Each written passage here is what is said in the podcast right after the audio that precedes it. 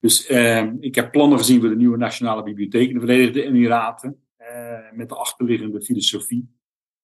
En die is buitengewoon inclusief en voor iedereen toegankelijk. En dus, dus de uitspraak is zeker niet veroordelend naar, naar bibliotheekwerk en bibliotheekmensen in die landen. Alleen ja, ze zitten met inderdaad wel een betrokkenheid, een wat strakkere controlerende betrokkenheid van de regering.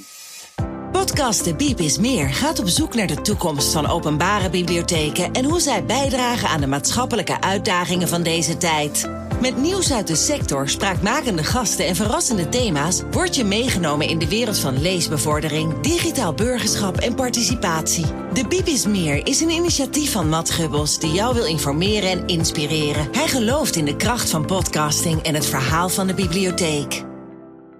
Welkom en heerlijk om weer terug te zijn na een lange zomervakantie. In de afgelopen weken heb ik alweer een aantal mooie opnames mogen maken. Maar eerst is het tijd om terug te blikken op het IFLA-congres dat dit jaar in Rotterdam werd georganiseerd. Dat doe ik door deze week terug te blikken met Erik Boekenstein, die dit congres al heel vaak heeft bezocht.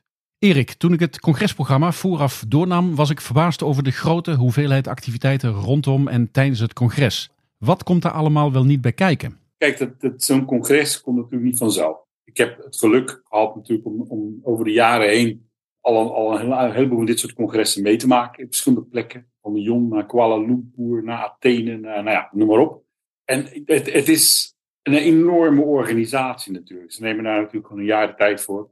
Ze hebben sinds uh, niet al te lange tijd, of twee jaar, twee keer nu een steeds groter groeiende betrokkenheid van een organisatie daarbinnen. KIT, die, die dat organiseren voor IFLA zelf in samenwerking met een nationaal comité. Maar dat betekent dus eigenlijk al dat een nationaal comité moet natuurlijk samengesteld worden. In Nederland hebben daar een aantal mensen heel hard aan gewerkt. Je hebt Kemperman, uh, Matthijs van Otegem van Fobit, Sander van de KB, Sander van Kempen. Dus er zijn een aantal mensen in die groep die daar, die daar echt al, tijd in stoppen en daarmee bezig zijn. En ook proberen alle, je hebt continu deadlines, deadlines te halen. Voor bepaalde dingen duidelijk. En je committeert jezelf ook. Je brengt als land breng je geld in substantiële som geld. Maar ook daarmee uh, een aantal inschrijvingen, vrijwilligers. Uh, je moet een aantal tours organiseren. Je wil natuurlijk een visitekaartje voor het bibliotheekwerk in je eigen land wil je afgeven. Dus nou ja, dan kan je daar voorstellen wat dat kost van tijd en geld en moeite. En uh, ja, ik, ik, kan er nu, nu zeggen dat ik wel ontzettend trots ben op wat daar neergezet is in Rotterdam. maar het komt niet vanzelf. Het is, het is echt werk. En ja, je kunt het ook zo leuk maken als je wil. Ik ben, uh, zoals je weet, eh, begonnen twee jaar geleden in, uh, met, met een van vooraf opname te maken van geen podcast, maar dan een video van Everything You Always Wanted to Know. Met als doel dat dat een terugkerend iets is. Ik ben benieuwd hoe dat in de toekomst gaat. Maar dat elk land die dit organiseert, zeg maar, een stukje vooraf werk doet. Wat is er in het land te koop, bibliotheekgebied. En mensen een beetje warm te maken om ook daadwerkelijk een kaartje te kopen en te komen. Dus in Nederland hebben we daar natuurlijk ook best wel tijd in gestopt. Met, met academische bibliotheken, speciale bibliotheken, openbare bibliotheken. Alles komt daar wel een beetje in, uh, in aan bod. Dus uh, nee, het is, het is een hoop werk. Maar dan heb je ook niets. Ook voor jou, Erik, was het niet te doen om bij elke sessie aanwezig te zijn. Daarvoor is het congres te groot. Maar kun je wel een beeld schetsen van de belangrijkste ontwikkelingen en trends die je vanuit het buitenland mee hebt gekregen? Wat, wat er een beetje uitspringt, is, is uh, naast het, altijd terugkerende onderwerp natuurlijk, is, uh, is artificial intelligence. Er staat een aantal interessante sessies rondom artificial intelligence. Ik mocht er eentje samen doen met Eppo van ISPE, directeur van beeld en geluid inmiddels uh, op woensdag. Maar er waren een heleboel sessies rondom artificial intelligence, de System Development Goals en bibliotheken. Toch ook wel echt een thema waarvan men beseft dat bibliotheken daar een rol in kunnen en wellicht moeten pakken. Klimaat, ik zat met name uh, zelf in een sessie rondom uh, climate change. Wat kunnen wij doen? Wat kunnen we doen om mensen in hun kracht te zetten om daar uh, rondom dat thema informatie te verstrekken, maar ook dingen te organiseren. Dus die twee zijn, zijn belangrijk. Je hebt, blijft terugkeren, zijn copyright, toegankelijkheid, leesbevordering. we hadden best wel veel satellites dit jaar. Je hebt uh, voor mij Adriaan gesproken. Adriaan doet altijd fantastisch werk voor Stichting Lezen en ook voor de KB op, dat gebied. En die had ook een hele leuke sessie, uh, satellite sessie georganiseerd. Er is er eentje in de Schiedam geweest. Helene van Maan is daarmee bezig gehouden vanuit de KB, zeg maar. Ja, dat ging over toegankelijkheid. In de bibliotheek van Schiedam, Korenbeurs. Er gebeurt natuurlijk zoveel. Zegt, de, in, in Lokhal, Tilburg ging het inderdaad weer over die SDG's voornamelijk. Dat zijn wel een beetje de dingen die daaruit springen. We gaan zo wat uitgebreider in op AI als thema tijdens IFLA. Maar wat kunnen we als Nederlandse bibliotheekwerk leren van het buitenland? Waar natuurlijk ook allerlei ontwikkelingen gaande zijn. Ja, dat is, dat is natuurlijk heel veel. we hebben natuurlijk. Uh, in Nederland zijn we natuurlijk op zich, denk ik wel, met een aantal landen voorlopers. Je het vergelijkt met andere, andere landen over heel de wereld. We hebben gelukkig dat we een, een, een steeds meer een overheid hebben die begrijpt wat de belangen van bibliotheken. We hadden bij de opening natuurlijk maandag hadden we en Oesloe, onze staatssecretaris, die geweldig werk doet en die geld beschikbaar maken voor dijkgraaf was natuurlijk vanuit onderwijs. Uh, we hadden Prinses Laurentien een heel bevlogen. Uh, ik denk dat bibliotheken meer op de kaart staan dan, dan heel lang het geval is op dit moment. Dus we hebben het geluk dat we dat hebben. Dus in dat opzicht zitten we goed. We hebben een bibliotheekwet. De bibliotheekwet wordt geëvalueerd, die wordt aangepast, aangescherpt, verbeterd. Dus we zijn gelukkig, maar ik denk nog steeds, vooral met name op het gebied van, van wat er gestopt wordt in, in de educatieve kant. Er zijn ook wel landen die daar nog actiever in zijn en nog meer geld in stoppen. Scandinavische landen wellicht. Democratische processen. Dat is trouwens ook een thema wat best wel heel belangrijk is in bibliotheken wat naar voren komt. Van waar staan wij erin? Hè? Fake news, uh, geloof in de politiek uh, wat aan het veranderen is. Kunnen we daar iets mee? Moeten we daar iets mee? Ja. Uh, sommige landen zijn er actiever in. Denemarken is er bijvoorbeeld heel actief in uh, artificial intelligence is natuurlijk iets wat we vanuit Amerika ook heel erg uh, op de agenda zien staan. Waar ook een hoop in gebeurt. En waar bibliotheken ook wel uh, steeds meer een rol pakken. Ik vind die link tussen academische bibliotheken en openbare bibliotheken is interessant. Zou ik eigenlijk wel meer van willen weten hoe dat in het buitenland is. Er valt nog wel hoop te leren. Ik denk ook dat, dat, dat je, wat, wat, wat ik terughoor van mensen die ik gesproken heb, is vooral ook de energieboost die je krijgt van andere landen. ik was zelf bij een SDG-sessie, SDG-sessie in een panel zat ik. En ik kwam de afloop een dame uit Colombia naar me toe. Die hebben een hele leermethode gemaakt met boeken en, en podcasts en video's uh, rondom het mannetje. My name is Earth, weet je wel. Nou, dat was fantastisch. Dat zat er van, van, van tot zeven jaar en van zeven tot twaalf. Twee verschillende boeken met echt activiteiten, echt lesmateriaal rondom uh, onze planeet aarde, hoe belangrijk het is om, daar, om die gezond te houden, zeg maar. Echt fantastisch gedaan, echt een voorbeeld. Ik had ook zoiets, ik zat naast mensen van ACE, hè, ons focuspunt op, uh, activisme rondom het klimaat. Ik zei, ja, dit hoef ik alleen maar te vertalen. Dan zijn we klaar, weet je wel. Dan hebben we gewoon een prachtige methode. Nou, zo, zijn de, zo is er heel veel te leren. Maar vooral ook heel veel energie te halen uit uh, het besef dat je niet alleen staat. En dat er over heel de wereld eigenlijk uh, mensen aan dezelfde uitdagingen werken. Ik denk dat dat een enorme impuls is voor uh, ja, weer aan de slag te gaan. En als je dan kijkt naar werelddelen als Afrika, Azië, het Midden-Oosten, daar gebeuren natuurlijk ook allemaal interessante dingen. Valt daar nog iets over te vertellen, Erik? Ja, nou ja, eh, als je het over Azië hebt, dan, dan een van de doelen die ik zelf persoonlijk had, gaat het bij persoonlijk, is, was Jean Ten ontmoet uit Singapore. Jean is een uh, buitengewoon, uh, hij is een tijdje weg geweest uit de bibliotheeksector. Hij is weer terug sinds, sinds twee jaar volgens mij ja, die is daar bezig met het opzetten van een lab, lab 25, voor de Nationale Bibliotheek van, van Singapore. Uh, echt als een soort, uh, die ziet de bibliotheek ook echt als een, uh, als een choreography of solutions. Dus echt als de bibliotheek is een plek waar je de uitdagingen waar de wereld voor staat tentoonstelt, maar ook dat je mensen daar beweegt om daar de oplossingen aan bij te dragen. Zeg maar. ja, nou ja, hoe mooi kan het zijn? Dus dat, dat is maar één voorbeeld hoor, uit Azië, Afrika. Uh, ik kwam Ellen Thijs, voorheen president, uh, tijd geleden van, van de IFLA weer tegen. Ja, de, de, dat uit, uit Zuid-Afrika, dat is zo'n, nou, overal hoor, is zo'n bevlogenheid. Ik had onlangs een dame uit Kenia die, die, die bezig zijn de bibliotheek bij me op te bouwen. Die hebben allemaal ja, met zo'n enthousiasme en bevlogenheid. Ik denk, ja, tuurlijk, die, die, die komen halen, maar die, die hebben ook een heleboel te brengen. De wereld wordt steeds kleiner als je denkt uh, aan globalisering. Aan de andere kant zijn de verschillen natuurlijk enorm. Dus uh, daar, daar, ligt, daar ligt altijd werk. Er is altijd iets te doen. Nog even terug, Erik, naar de Nederlandse bijdrage tijdens IFLA. Je zegt, we lopen voorop als Nederland. Maar hoe wordt nu vanuit het buitenland naar het bibliotheekwerk hier aangekeken? Ja, wat ik terug hoor zeker. Met name ook uh, architectuur, hè, gebouwen. We hebben natuurlijk een aantal fantastische bibliotheken. We hebben natuurlijk uh, al de afgelopen keren meegedaan Ehm, aan de verkiezing van de beste bibliotheek. We hebben natuurlijk Den Helder gehad, die is gekozen school 7 als beste bibliotheek. Maar de Lokhal is in de top 5 geëindigd. Forum. Dus we hebben natuurlijk architectuur. Qua architectuur staan we echt wel heel erg op de kaart. En ik denk dat, wat ik terug hoor, ook de Lokhal met name. Heel veel bibliotheek, bibliothecaris als, een, als een, een, enorm goed voorbeeld gezien wordt. Van alle machten, wat hebben ze daar tot stand gebracht. Dus de architectuur is een deel. Ik denk uh, ook, ook wel de dienst hoor, de toegankelijkheid, de manier waarop wij nadenken over uh, dat de bibliotheek voor iedereen is. Voor ons, ja, wij weten dat het natuurlijk nog een hoop werk is. Maar ik denk qua inclusie en dergelijke en vrije meningsvorming is een, is, een, is een groot goed. En daar is een hoop over te doen.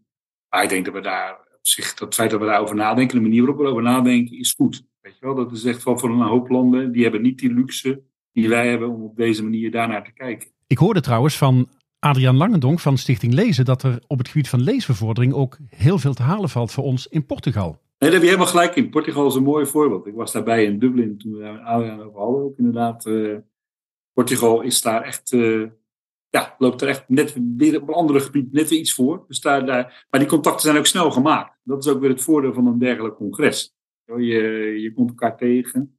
Je, je, kent elkaar al een beetje ergens van, van een eerder gesprek of een eerdere presentatie. En dan liggen, dit soort contacten uh, leiden vrij snel tot ook daadwerkelijk bezoeken en, en uitwisseling. En uh, ik weet zeker dat die dame uit Colombia, die ga ik nog een keer spreken. Die ga ik nog een keer uh, iets mee doen om dat, wat verder te brengen. Dat is wel mooi. Dan naar een van onze gezamenlijke interessegebieden. AI, Artificial Intelligence. En dan noem ik ChatGPT nog maar even in één adem uh, erbij. Jij deed een sessie samen met Eppo van Nispen van Beeld en Geluid. Vertel, hoe ging dat? Nou, we hadden een uur. En dat is dan altijd lastig, want dan begint dat met een introductie van, uh, van Barbara Liesel, de president van IFA. En die duurde al tien minuten. En ik weet niet of jij Eppo natuurlijk een beetje kent, waarschijnlijk wel, maar dan weet je dat uh, Apple gemiddeld 180 eh, slides heeft. en ik had er zelf natuurlijk ook een aantal. Dus dat, eh, was best wel doorjakkeren. We hadden een groot, best wel, ik denk meer dan 500 man in de zaal. Dus dat is echt wel een, een, goede, goede opkomst. Wat Apple en ik altijd proberen is natuurlijk de luchtigheid en de lol. Hè? Gewoon het plezier en de, de nieuwsgierigheid te prikkelen door het niet al te zwaar te maken, maar toch ook wel een serieuze ondertoon. Dat, uh, ik denk wel het mooi afwisselen. Eppo die, die, die laat vaak de meeste prachtige video beelden zien en, uh, en haalt uit alle hoeken en gaten haalt die uh, grappige uh, en goede content, zeg maar. en ik was dan meer in dit geval gek genoeg, zou je zeggen. Voor de serieuze ondertonen ook wel echt hele goede beseffen. Hè? Ik, ik had ook nog wel een mooie, weet ik van het zelf, een mooie, mooie woordskunst van, van wat AI eigenlijk wat is, eh, is natuurlijk remix. Is een soort remixen van data en dat weer eh, op een bepaalde manier naar behoefte zeg maar teruggeven. En remix in de, in in de muziekwereld heet dub. Uh, vanuit Jamaica en dergelijke ontstaan. Dus de boodschap die ik meegeef was een beetje dub AI. Dubai. Dubai. Uh, en dat, het belangrijk, dat, dat we als bibliotheken toch een belangrijke taak hebben om die data zo divers mogelijk te maken. En zo representatief voor al onze rangen, standen, meningen en achtergronden. En uh, dat inclusiviteit voor een, voor een, menselijk AI, zeg maar, uh, voor de AI for good, zeg ik altijd, dat dat gewoon echt essentieel is en dat iedereen daarbij uitgenodigd moet zijn. Dus dat ligt ook vanuit mij gezien wel een onderliggende boodschap ook van jongens, uh, we kunnen dit wel in Dubai organiseren, maar we moeten wel zorgen dat, uh, net als met AI, dat we zo toegankelijk mogelijk zijn voor iedereen. Vanuit de bibliotheek gedacht. De stad zat er voor mij ook een beetje doorheen. Die rol van bibliotheek om, om data te verzamelen en, en zeg maar zo breed mogelijk uh, representatief voor onze bevolkingen te laten zijn in verschillende landen. Ook de rol van bibliotheek als ja, toch ook wel zorgen dat het transparant blijft. Dat mensen het, uh, in ieder geval dat we het zo goed mogelijk uitleggen. Van wat is het, wat betekent het en wat voor effect heeft het op ons in de toekomst.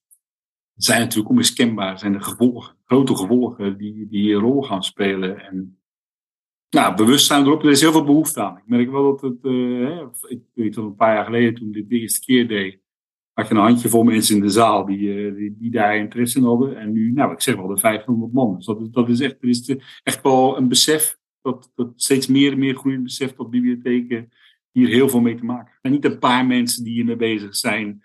En uh, zal op onze tijd wel duren. Dat zit er wel een beetje in misschien voor een aantal. Dat is voor een deel verlaagd op de drempel een beetje om op zoek te gaan naar meer kennis rondom het onderwerp. Dat je daar in dat proces, je hebt een uur om dingen te vertellen, uh, en ook met een uitblik naar, hè, een vooruitblik naar de toekomst, daar hoor je mensen bij kwijtraken, ben ik van overtuigd. Dus voor een deel van mensen willen naar huis gaan met een verhaaltje. Ik, ik weet nu iets van de AI. Betekent dat dat ze allemaal gelijk de volgende dag zeggen, ik ga iemand aannemen die hier dit bij mijn bibliotheek gaan doen. Dan moeten we nog een paar sessies doen. Eh. Wat komen mensen dan in zo'n sessie doen over AI? Komen ze puur informatie ophalen over wat ze allemaal met AI zouden kunnen? Of is het ook een kwestie van dat mensen met argwaan komen en proberen daar duiding aan te geven? Ja, zeker. En het is ook een middel, hè? het is echt wat ik zeg. Dat we met alle dingen die, die we bedenken eigenlijk. Het zijn uiteindelijk middelen, tools om ons, uh, om ons werk goed is beter te kunnen doen. Maar ons werk ligt daarna. Zeg ik ook altijd als, als, als we hebben het heel, heel vaak bij dit soort congressen over access. En access is natuurlijk het begin van, van ons werk. Als we access kunnen bieden en AI kan daarbij helpen, bij wijze van spreken, om voor meer mensen toegang te bieden tot, tot de data die we hebben. Uh, dan, is dat, dan is dat fantastisch. Maar uiteindelijk is ons werk natuurlijk om, om, om verhalen te verzamelen, om verhalen te delen, om nieuwe verhalen te maken, en met elkaar in gesprek te blijven. En met name die menselijke creatieve kant. Wat, wat onderscheidt ons nou van die robot, weet je wel? Dat stuk te koesteren. En daar, daar hebben we heel vaak plekken voor nodig waar we samenkomen, waar we, hè, dat kan ook online hoor, maar in ieder geval waar we wel van mens tot mens met elkaar verstandhouding hebben. Dat we gewoon uh, elkaar in de ogen kijken en begrijpen. Het is een middel. Het is een prachtig middel en er, zijn, er is heel onmogelijk. Maar uiteindelijk, uh, het feit dat wij elkaar hier nu aan te kijken zitten te praten met elkaar, is, uh, is hetgeen wat ons werk mooi maakt. Rotterdam had een aantal jaren geleden de primeur van het Eurovisie Songfestival. De Bibliotheek Rotterdam, met Theo Kemperman voorop, is natuurlijk zo trots als een pauw om het grote IFLA-congres te mogen hosten. Jij zei het al, er gaat heel wat voorbereidingstijd aan vooraf, Erik, en er gaat ook heel veel geld in zitten. Maar wat is nou volgens jou de meerwaarde van zo'n week IFLA? Wat halen we daar met z'n allen nu uit? Nou, dan kom ik toch, toch er ook terug bij wat ik in eerste instantie zei. Het feit dat, dat, we, dat we toch uh, ja, mensen zoals onze staatssecretaris, hè, uh, Robert Dijk gaat daar een podium hebben. Dat, er toch men, dat, dat steeds meer mensen inzien uh, wat we nou eigenlijk als bibliotheek aan het doen zijn. Het feit dat we, we komen echt vanuit een plek waarin we gekeken, gekeken als, als boekcirculatiepunt, zeg maar. En, en al het werk wat we daarnaast nog doen, dat, dat is steeds meer geland. Dat komt mede ook door dit soort, dit soort conferenties en de plek dat de hele wereld naar het 3200 ton, wat was uh, uit heel de wereld is gekomen na COVID, is echt wel een, uh, is echt wel een, uh, dat zegt wel iets. We zitten nog steeds in een periode dat mensen weer een beetje op gang komen, zeg maar, na, die, na het nare virus. En het is nog helemaal weg. Dus dan vind ik dat echt wel indrukwekkend. Ik denk, dan is er ook echt wel behoefte aan. Dus ik denk dat, dat zo'n visitekaartje intern in Nederland belangrijk is. En daar kan jou, jouw verhaal met deze podcast natuurlijk en die serie podcast ook een bijdrage aan leveren mensen uit Nederland gesproken die zeggen: Nou, ik vind het zo bijzonder die mensen uit Afrika, al die landen te zien, in, uitgedost in de mooiste kledij, weet je wel. Die hier uh, naartoe komen en die allemaal informatie komen halen, die met hetzelfde bezig zijn als wij. Ik denk dat het echt, dit, dit gaat nog jaren suddert dit door. Ondanks inderdaad de hele discussie over uh, wat speelt er nou in Dubai en wat is dat nou. Dat, dit, dit hebben, hier hebben we nog jaren plezier van. Nou, Erik, je noemde Dubai al. Dubai, ik wil daar inleidend met jou naartoe gaan werken. Want ik sprak een van de vrijwilligers na afloop van IFLA. En ik had het met hem over inclusie. En hoe inclusief het IFLA-congres al dan niet is. Toen zei hij dat je daar van verschillende kanten naar kunt kijken. Want mensen die vanuit Afrika of Azië komen, die moeten heel veel geld neertellen voor de reis, voor de toegangskaart, maar ook voor de peperdure hotels in Rotterdam en omgeving. Is het dan niet een kwestie van dat de intellectuele bovenlaag met voldoende financiële middelen op bezoek is geweest? Hoe kijk jij daarnaar? Nou, ik weet dat er vanuit het Nationaal Comité en vanuit ook uh, voorheen uh, Hilde Lies, vanuit de KB, voor, uh, heel hard aan gewerkt is om dat hybride stuk erin te brengen. Dat was echt niet makkelijk. Want IFLA, ja, voor IFLA is dit natuurlijk, daar kunnen we lang en breed over praten, maar is dit natuurlijk ook een verdienmodel die, die, die, die hebben dit congres wel degelijk nodig ook om, om centen te verdienen.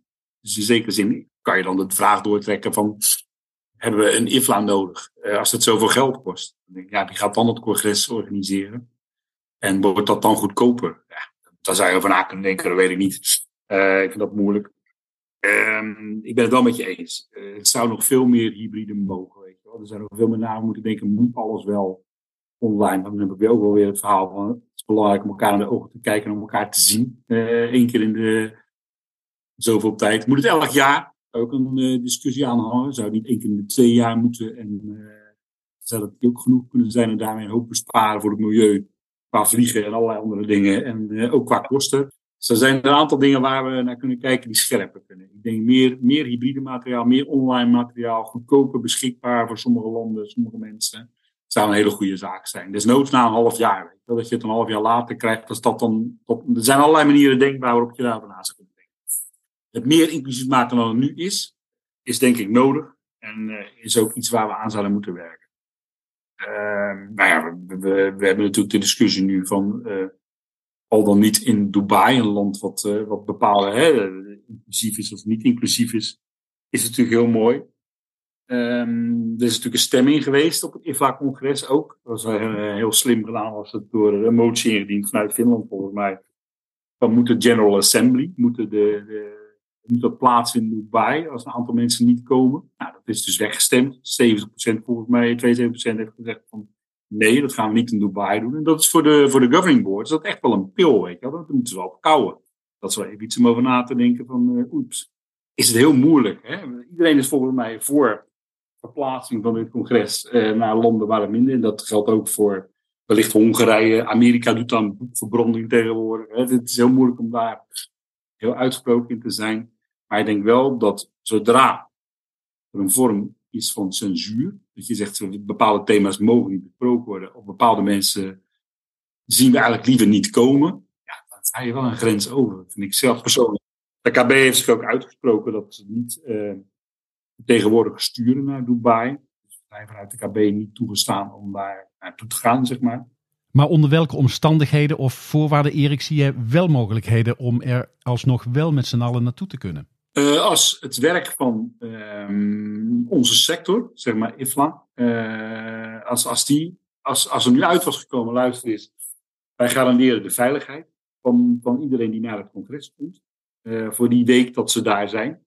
los dat je dan gelijk de hele wet wil veranderen en dat iedereen daar hand in hand over straat kan lopen. Want dat is ook in, in Manchester niet het geval, bij wijze van spreken, of in Nederland overal ik vind dat de onderwerpen open zouden moeten zijn. Dat, dat de, de verschillende groepen van IFLA zouden moeten bepalen welke ondergroepen ter discussie staan en niet de regering. Ik denk dat dat wel de belangrijkste dingen zijn. Geen censuur op onderwerpen. En in principe moet iedereen veilig en welkom zijn.